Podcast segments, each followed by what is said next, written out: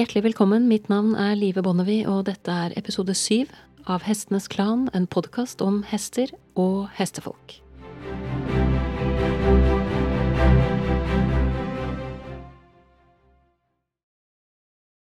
Det er ingen tvil om at livet byr på stadig nye perspektiver. Siden jeg publiserte forrige episode, så har jeg blitt invitert som gjest i studio på en annen podkast, nærmere bestemt hundepodkasten til Gro Saugerud. Hun inviterte meg for å snakke om etikk i dyrehold, og bakgrunnen for invitasjonen var at hun hadde hørt de første episodene av denne podkasten, og mente at stoffet var veldig relevant for hennes arbeid som hundetrener, og at veldig mye var så direkte overførbart at man bare kunne bytte ut ordet hest med hund. Det var et interessant perspektiv for meg, og jeg må bare si at vi hadde et utrolig interessant møte. Og ut av det som i utgangspunktet skulle bli en podkastepisode på rundt 40 minutter, så vokste det en svært god og temmelig dyp samtale som sev inn i de små timer som alle gode samtaler gjør. Jeg møtte Gro litt over klokken åtte en vakker sommerkveld, og da jeg kjørte hjem eh, var sommernatten i ferd med å gå over i demring over Lier. Praten Gro og jeg hadde fikk meg til å reflektere over flere ting, som at hesten har et svakere vern enn hunder i møte med mennesker, ganske enkelt fordi vi aksepterer mer vold mot dem, av grunner som jeg har sagt litt om i første episode blant annet, den episoden som heter Et mykt blikk forandrer alt. Jeg begynte i etterkant av intervjuet også uunngåelig å reflektere rundt hvordan vi har valgt å holde dyrene våre, eller kanskje mer konkret hvordan vi har valgt å oppbevare dem. Jeg har selv vokst opp i en familie med hunder, men da jeg kjøpte hund igjen for tre år siden, så var det rundt regnet tre tiår siden sist jeg hadde hatt en hund som en del av familien, og jeg merket meg tidlig at mye hadde forandret seg i hundens verden siden sist. Det var særlig to ting som overrasket meg bruken av positiv forsterkning i trening og den utstrakte bruken av hundebur. For å ta det første først, jeg er veldig gledelig overrasket over at bruken av positiv forsterkning i trening har økt betydelig siden jeg var med på å oppdra en valp sist for rundt 30 år siden. Det var en tidsalder der det var allment akseptert at dersom hunden, det vil si den lille valpen, tisset inne, så burde man presse snuten ned i dammen med urin og deretter sende valpen ut av huset. På denne måten ville valpen over tid legge sammen to og to og skjønne at tissing, det er noe man gjør ute og ikke inne. Jeg tror eh, knapt mine egne ører selv heller, når ord som dette detter ut av meg, men sånn var det faktisk. Samtidig må jeg innrømme at selv om jeg er veldig glad for å høre at positiv forsterkning er blitt en mye mer gjengs måte å forholde seg til hunder på, så blir jeg veldig stuss når jeg møter hundeeiere eller trenere som i fullt alvor ser ut til å mene at all trening og interaksjon med hunden skal bygges på positiv forsterkning alene, og at grensesetting, eller det å si nei, og mene det, det er forbudt, i mangel av et bedre ord. Utfordringen for meg er at jeg føler at jeg kanskje har levd litt for lenge til å bli med på dette resonnementet, og da mener jeg ikke at jeg har levd lenge, som i at jeg har blitt så uendelig mye klokere i kraft av min alder. Nei, jeg mener at jeg har levd lenge nok til å se varianter av denne trenden i fri utfoldelse tidligere. Jeg vokste nemlig opp på 70-tallet, og det innebærer blant annet at jeg dessverre har sett fri barneoppdragelse på nært hold, og når du skreller bort den idealistiske tanken bak, så sitter du igjen med noe jeg faktisk rett og slett oppfatter som naturstridig. Verken barn eller dyr har forutsetninger for å fullt ut oppdra eller sette grenser for seg selv. De vet selvfølgelig veldig godt hva de vil ha, men de vet neimen ikke alltid hva de trenger. Og for å navigere på en god måte er de helt avhengig av hjelp av noen som støtter dem og elsker dem. Mine foreldre praktiserte ikke fri barneoppdragelse, men de hadde helt åpenbart gjort seg noen tanker om at det var viktig at jeg fant ut av en del ting selv. Og for all del, jeg klarte å finne ut av ting, men retrospektivt så har jeg ofte tenkt at møtet med verden utenfor familiens trygge rammer flere ganger ble enten mer ydmykende eller mer brutalt enn det hadde trengt å være. Kortversjonen er at dersom du ikke oppdrar barna dine selv, så kommer noen andre uunngåelig til å gjøre det for deg.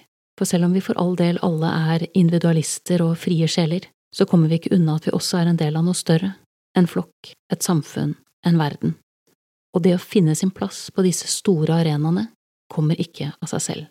Det krever veiledning, rettledning, prøving og feiling. Og dersom du ikke er der for ungen din, så kan jeg garantere deg at de som ender opp med å være der når ungen skal lære seg forskjell på rett og galt, ikke elsker ungen din slik du gjør, ei heller har investert i ungen din slik du selv har. De kommer ganske enkelt til å nøye seg med å sette grensene du selv hadde ansvar for å sette, og ofte gjør de det på en måte som er blottet for både omtanke og kjærlighet, gjerne mens de lar det skinne igjennom at de forventet seg mer, og ungen din sitter overrasket og ydmyket tilbake og skammer seg over å ha kommet til kort i all friheten som skulle forvaltes. Trender kommer og går, men mellom steile ytterpunkter så finnes det alltid et punkt av balanse, og jeg tenker at jobben vår som mennesker er å etterstrebe å finne dette punktet, både i oss selv og i andre. Min oldemor samlet på sitater og ga dem ut i bokform for snart hundre år siden. I denne boken, som het Ord som lever, så har hun samlet nitidig inn sitater fra hele verden, og blant dem finner jeg også et av mine absolutte favorittsitater fra Shakespeare, I must be cruel only to be kind.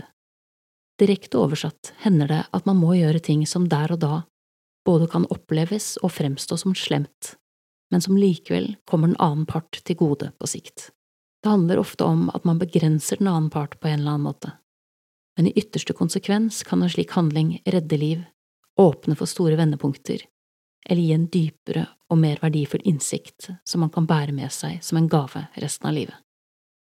Samtidig skal jeg ikke stikke under en stol at det kanskje nettopp er sitater som dette, I must be cruel only to be kind, som har bidratt til at foreldre opp gjennom tiden har slått sine barn med et tungt hjerte, som det het, fordi de mente at det var det som skulle til for å gjøre folk av dem. I dag vet vi heldigvis bedre. Det å påføre noen straff, det være seg barn, hund eller hest, vil aldri være noe annet enn slemt, punktum. Men å ta hardt tak i en unge som holder på å løpe ut i gaten på rødt lys og blir påkjørt, og ta seg tid til å gi klar beskjed om at det aldri må skje igjen, er bare ett av flere åpenbare eksempler på at det er helt nødvendig med grensesetting. Og når det gjelder oppdragelsen av en valp, basert på positiv forsterkning alene, så fremstår det for meg som veldig underlig å overta stafettpinnen fra tispa, som fødte valpen, og se bort fra hvordan hun selv har valgt å gjøre det. Hun har vært mild, men tydelig, raus, men begrensende der det har vært nødvendig. Hun har vært leken, men alvorlig. Hun har vært myk, men skarp når det måtte til. I mitt hode så er grensesetting en viktig del av alt liv. Alternativet til grensesetting er ukontrollert vekst, noe jeg først og fremst forbinder med kreftceller. Jeg tenker at det eneste som skal være grenseløst i oppdragelse, av både barn og dyr, det er kjærligheten. Den andre overraskelsen i møte med hundemiljøet 30 år senere kom i form av noe som fortoner seg som en ganske ukritisk og oppsiktsvekkende utstrakt bruk av bur i hjemmet, noe som ikke engang var en del av ligningen sist jeg hadde hund. Men i møte med dagens hundehold er det oppsiktsvekkende vanlig og ganske normalisert flere steder. Hva i all verden er det som har skjedd, var det første jeg tenkte når jeg traff på dette fenomenet som jeg i og for seg møtte på første gangen allerede jeg kjøpte hunden hos oppdretteren og fikk tilbud om å kjøpe meg et bur av henne. Og da jeg gjestet podkasten til Gro Saugerud, så stilte jeg spørsmål ved når var det hunden ble det nye marsvinet? Ikke det at det er supert for marsvin å være i bur heller, men der, når det gjelder marsvin, så finnes det i hvert fall en grunnforståelse for hva slags størrelse et bur skal ha. Jeg ville påstå at hvis du hadde puttet et marsvin inn i bur som er så begrensende for utøvelse av naturlig atferd som en del av dagens hundebur er, så ville du blitt stemplet som dyreplager tvert jeg har eh, selv en silketerrier. Hun veier 3,2 kilo, så hun er jo ikke verdens største hund, men jeg vil vel anslå at det minste buret jeg ville kunne plassere henne i mens jeg var på jobb, noe oppsiktsvekkende mange synes å være helt komfortable med å gjøre, ville være på ca. ni kvadratmeter, det vil si mer enn halve kjøkkenet mitt. Alt under den størrelsen ville vært helt utenkelig. Jeg hører rett og slett ikke med til dem som kjøper argumentet om at det er slitsomt for hunden å passe på hele huset mens jeg er på jobb, og at hun vil føle seg tryggere hvis hun er innestengt i sin egen lille hule, les sitt eget litt for trange bur. Ei heller kan det å plassere en hund i bur hele dagen, og eller hele natten forsvares med at hunden tygger på alt hvis ikke, at den hopper opp i møbler hvis ikke, eller andre lignende argumenter som handler mer om hva som er praktisk for oss. Hunden er, som hesten, et flokkdyr. Å være uten flokken i flere timer i strekk er belastende nok. Å legge et bur på toppen er sikkert veldig convenient for mange av mange grunner, men jeg sliter personlig med å se én eneste god grunn til at dette skal være en akseptabel måte å holde hunder på. I forlengelsen av dette så blir jo spørsmålet hva skjer hvis jeg tar det jeg snakket med Gro om, som det handlet om hund, og bytter ut ordet hund med hest.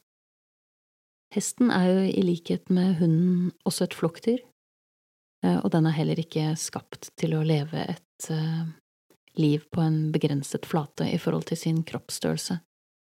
Nå kaller vi det jo ikke bur uh, når vi putter hestene inn i stallen for natten, vi sier at vi setter dem på boksen, men den er til forveksling ganske lik et bur. Den har gjerne et, en slags si, heldekkende vegg nederst og gitter øverst. Jeg har jo gått noen ordentlige runder med meg selv, egentlig, på hva som skiller en boks øh, fra et bur. Det som er helt sikkert, er at en boks også um, setter muligheten hesten har til å utøve naturlig atferd på, på, spill. Det er jo rett og slett begrenset plass til å bevege seg der inne.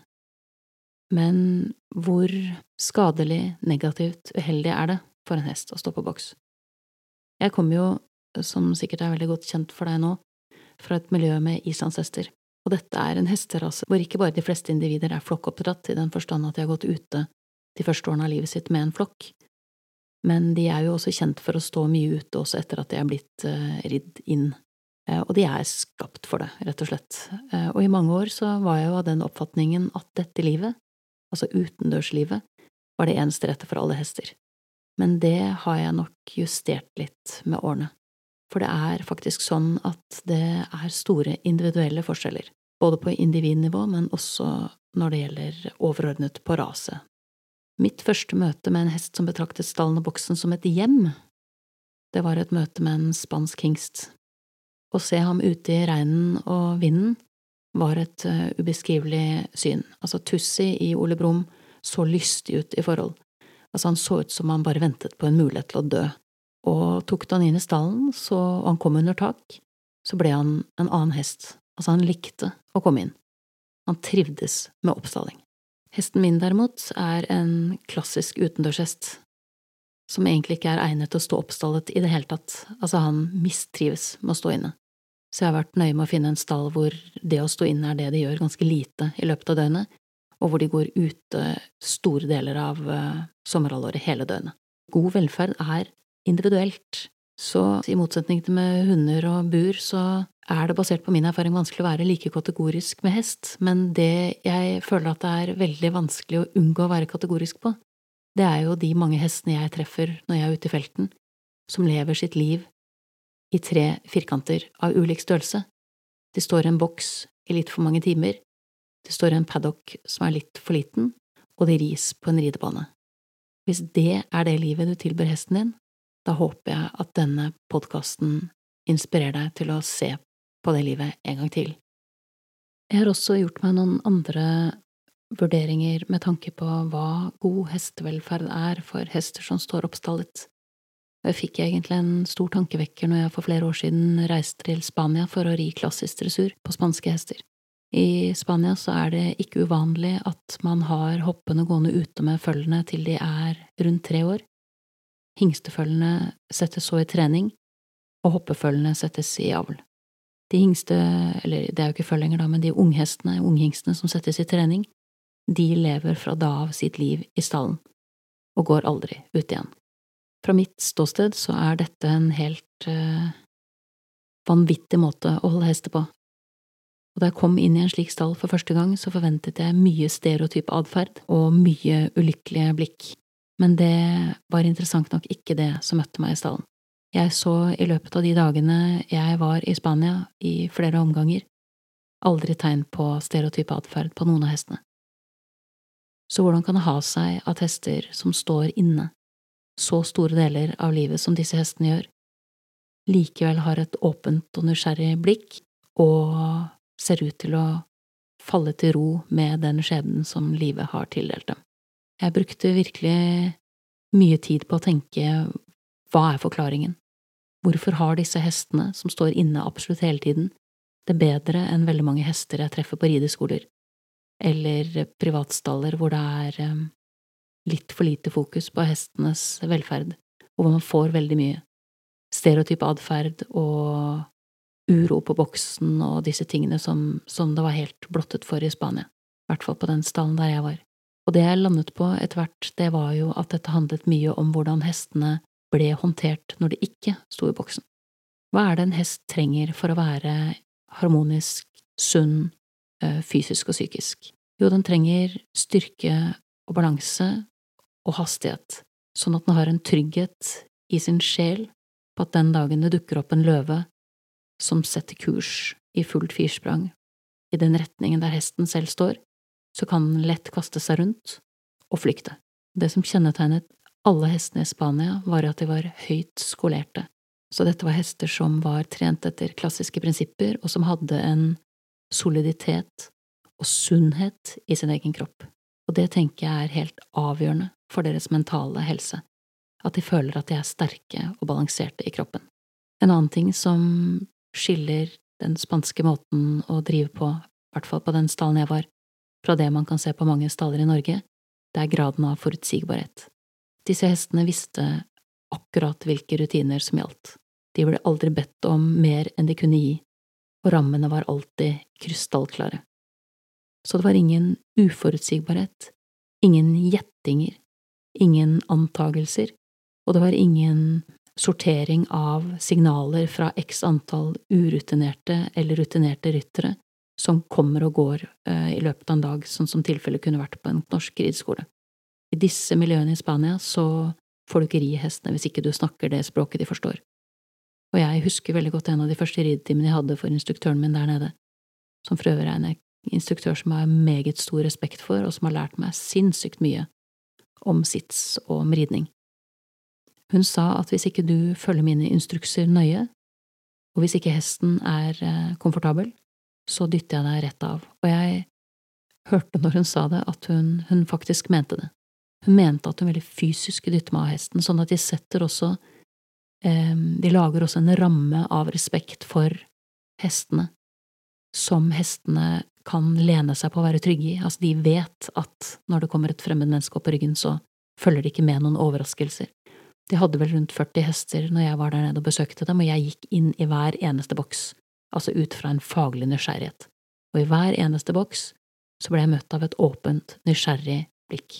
Ja, min konklusjon er rett og slett at de elementene som de treffer veldig godt på i Spania, eh, er av så avgjørende betydning at jeg vil ikke si at det veier opp for muligheten av å utfolde seg fritt som en hest skal, og jeg en av grunnene til at jeg ikke har reist tilbake dit, er jo at jeg sliter jo mer og mer etisk med å ri hester som blir holdt på en måte som ikke jeg selv kan gå god for. Jeg skulle svært gjerne ridd de hestene igjen, men jeg syns det er eh, jeg syns det er utfordrende når den etiske standarden eh, er lagt et annet sted, og jeg, jeg føler ikke at jeg har dekning for det. I hvert fall til en lang periode nå hvor jeg kjenner at jeg har lyst til å dra tilbake fordi at instruktøren er så sinnssykt dyktig, og hun har så sinnssykt gode hester. Det kjennes ikke riktig ut når jeg ikke er komfortabel med måten hestene blir holdt på. Og det er en av de tingene som ofte kan inntreffe når du får et veldig fokus på etikken i forhold til ridningen, og det er jo at i gamle dager så opplevde jeg at folk tilbød meg å ri hestene deres, og jeg takket jo alltid ja til det og syntes det var kjempespennende å ri nye hester. Det er jeg helt ferdig med. Jeg er ikke komfortabel med å ri en hest som jeg ikke har en relasjon til. Jeg er ikke lenger komfortabel med å bare sette dem opp og ri. Jeg føler at jeg ikke egentlig har noen rett til det. Så det er et veldig stort skifte eh, de seinere årene som har kommet, tror jeg har kommet litt sånn gradvis i form av å endre synet på hester. At jeg har eh, tidligere bare kunne sette meg opp på dem og ikke fordi jeg betraktet dem som slaver, men når jeg ser på det retrospektivt nå, så tenker jeg at det er jo grunnen det man på en måte langt på vei behandler dem som. Altså et, et, et transportmiddel eller en som på en måte står der til tjeneste for deg da, og dine behov. Nå vil jeg dit, eller jeg vil dit, og jeg vil i det tempoet, så skal på en måte hesten bare gjøre det. Og den måten å forholde seg til hester på kjennes for meg bare mer og mer eh, kunstig, og det er klart at jeg har jo også den utfordringen at jeg har blitt flinkere og flinkere til å se hvordan de har det fysisk og mentalt, dessverre.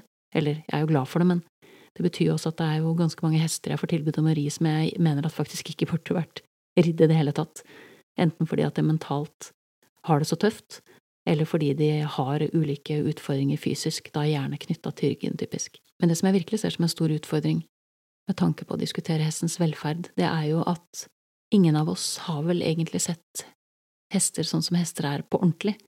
Altså, jeg føler at jeg har vært ganske nærme når jeg har tilbrakt mye tid med større flokker med islandshester som, som i veldig liten grad er håndtert av mennesker, men Jeg har aldri, og kommer heller aldri til å få sett ekte villhester. Jeg kan få sett noe som ligner, men de flokkene med villhester, eller de hvordan de nå orienterte seg og hadde sin sosiale struktur, de er borte. De har dødd ut for lenge siden. Så jeg tenker jo flere ting om det, egentlig. Det ene er at jeg føler at jeg mangler et veldig viktig referansepunkt i forhold til å vite hva en hest er, dypest sett. Og så tenker jeg at det fortrinnet jeg har, er at jeg har vært så mye sammen med hester som har vært lite håndtert av mennesker. Sånn at jeg har på en måte fått sett hva en hest er når den er seg selv, og sett hester som er sunne og i balanse, og som lever et godt liv, men det er få som på en måte har gått fra menneskens verden over broa inn til hestens verden og tilbrakt mye tid der. Det er jo en av de tingene som jeg føler har vært en styrke for meg i forhold til å forstå dem, at jeg faktisk har trivdes med å sitte blant hester og bare se på dem i timevis, men det er bare så mye du kan lære når de hestene du ser på er eh, domestiserte, tamme hester, fordi at de lever bare det livet som de har fått tilbudt av oss og navigerer etter en ramme som vi har lagt. Så jeg føler at jeg mangler referansepunkter, og i enda større grad føler jeg at veldig mange av de jeg da reiser rundt med som ikke engang da har sittet og tilbrakt tid med hester når de er seg selv, virkelig mangler referanser i forhold til hvordan hestene ser ut når de, ja, når de bare er seg, rett og slett, og hvordan de ser ut når de er sunne, glade og balanserte, fordi hvis du kommer rett ut av en konvensjonelt dårlig rideskole og skaffer deg en hest som er ridd av ufølsomme mennesker, så kan du risikere at du kan gå en ganske lang karriere uten å egentlig klare å både gjenkjenne og lese de hestene du rir. Altså, det er oppsiktsvekkende mange triste fjes rundt omkring på staller i Norge, som alle tenker at er en blid hest fordi den topper ørene når du kommer gående nedover stallgangen, og så klarer man ikke å se forbi det fordi man vet ikke hva man ser etter. Man mangler rett og slett referansepunktene. Så mitt håp med denne episoden er at du bruker den som et påskudd til å gå ditt eget hestehold etter i sømmene, det være seg om du er hesteeier selv, om du er fòrrytter eller om du er elev, for jeg mener at hestene våre fortjener et godt hesteliv, og jeg tenker at de tre enkleste tingene å navigere etter er følgende. En sunn hest vil møte deg med et våkent og nysgjerrig blikk, og den vil interessere seg for det som skjer i omgivelsene. I det øyeblikket en hest slutter å følge med på det som foregår, så tenker jeg at det er det første punktet hvor det kan være greit å være litt oppmerksom på at ting ikke er helt som det skal. Så et våkent, nysgjerrig blikk og interesse for omgivelser, det er viktige parametere i forhold til å se om en hest har det bra. En hest som er sunn, er også lett på foten. Den er lett flyttbar. Det betyr at hvis du ber om plass, så vil den veldig raskt kunne forflytte mye av vekten sin til bakparten, sånn at framparten er fri. Og det, det kan være… det kan kreve et ganske trener blikk å se den vektforflytningen i hesten, men det er virkelig en ting som jeg, hvis ikke du har gjort den øvelsen før, vil oppfordre deg til. Det er jo å følge med nettopp på hesten i forhold til å se hvor er det, på hvilket bein, hvilke bein er det vekten er tyngst, sånn som hesten står akkurat i dette øyeblikket. Fordi at skiftet i vekten hos hesten skjer lenge før hoven flytter seg fra bakken, altså før den løfter hoven fra bakken, så har det allerede skjedd en forflytning av kroppen, og de skiftene forteller egentlig veldig mye om hestens eh, balanse og ve og vel, fordi at hvis hesten er alert og er seg selv, så vil et sånt skifte kunne skje veldig raskt, egentlig, mens en hest som er mentalt avslått, har mye tregere forflytning av vekten i kroppen sin. En sunn hest er myk og avslappet i sin egen kropp, og det betyr at hvis du går over hesten med hendene dine, ikke bare børster den, men går faktisk over og kjenner på musklene, så skal den ikke behøve å ømme seg eller trekke seg unna den berøringen. Det skal være komfortabelt å bli tatt på.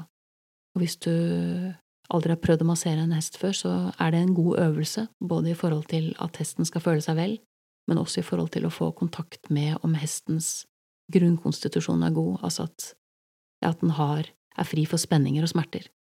Jeg har jo opplevd å være på staller med hester som blir ridd jevnlig, som er så ømme i kroppen og har så vondt i for eksempel ryggen at når man palperer, altså bare med lett trykk tar på enkelte punkter på ryggen, så knekker hesten nesten sammen i kne, og eieren står ved siden av kjempeoverrasket over hva som skjer, og da tenker jeg litt sånn, det er jobben din, eh, enten du er eier, fòrrytter eller rideskoleelev, og på en måte har kjent litt over hesten og bare kjenne at den har det bra, det er ikke bare å sette seg opp og ri av gårde. Vi har et eh, ansvar for å forsikre oss om at eh, det vi er i ferd med å gjøre med hesten, altså ri den på en ridetime eller ri den på en tur, at det er noe den faktisk er eh, fysisk og mentalt klar for. Og det siste punktet som kan brukes i forhold til å navigere seg med tanke på om en hest uh, har det godt, det er jo i det øyeblikket du setter deg på ryggen, det vil si egentlig kanskje sekundene før du gjør det. Hvordan er det hesten reagerer før du faktisk setter deg opp? Står den stille, er den i en eller annen form for bevegelse, hvordan endrer ørene seg, hvordan endrer blikket seg, gjør det noe med halen, alle disse små, små tegnene som egentlig er store bokstaver fra hesten i forhold til å prøve å signalisere om den er komfortabel eller ikke komfortabel med livet den lever med deg. Og det siste punktet er i det øyeblikket du sitter i salen, og virkelig bruke tid på å kjenne på om begge bakbeina tramper like godt innunder hesten, om den er skjev på noen måte, og om det er øvelser som går bedre på høyre hånd enn på venstre hånd. Alle disse små tegnene som er den eneste muligheten hesten har til å fortelle deg at nå er livet mitt ok, eller nå er det ikke ok. Små, små tegn som for mennesker ofte kan være nesten usynlige, men som for hesten kan være ekvivalenten til å stå og rope. Du har nettopp hørt episode syv av Hestenes Klan, en podkast om hester og hestefolk. Takk til min faste komponist Fredrik Blom, og sist, men ikke minst, takk til deg, kjære lytter, for tålmodigheten. Måtte hesten for alltid være med deg.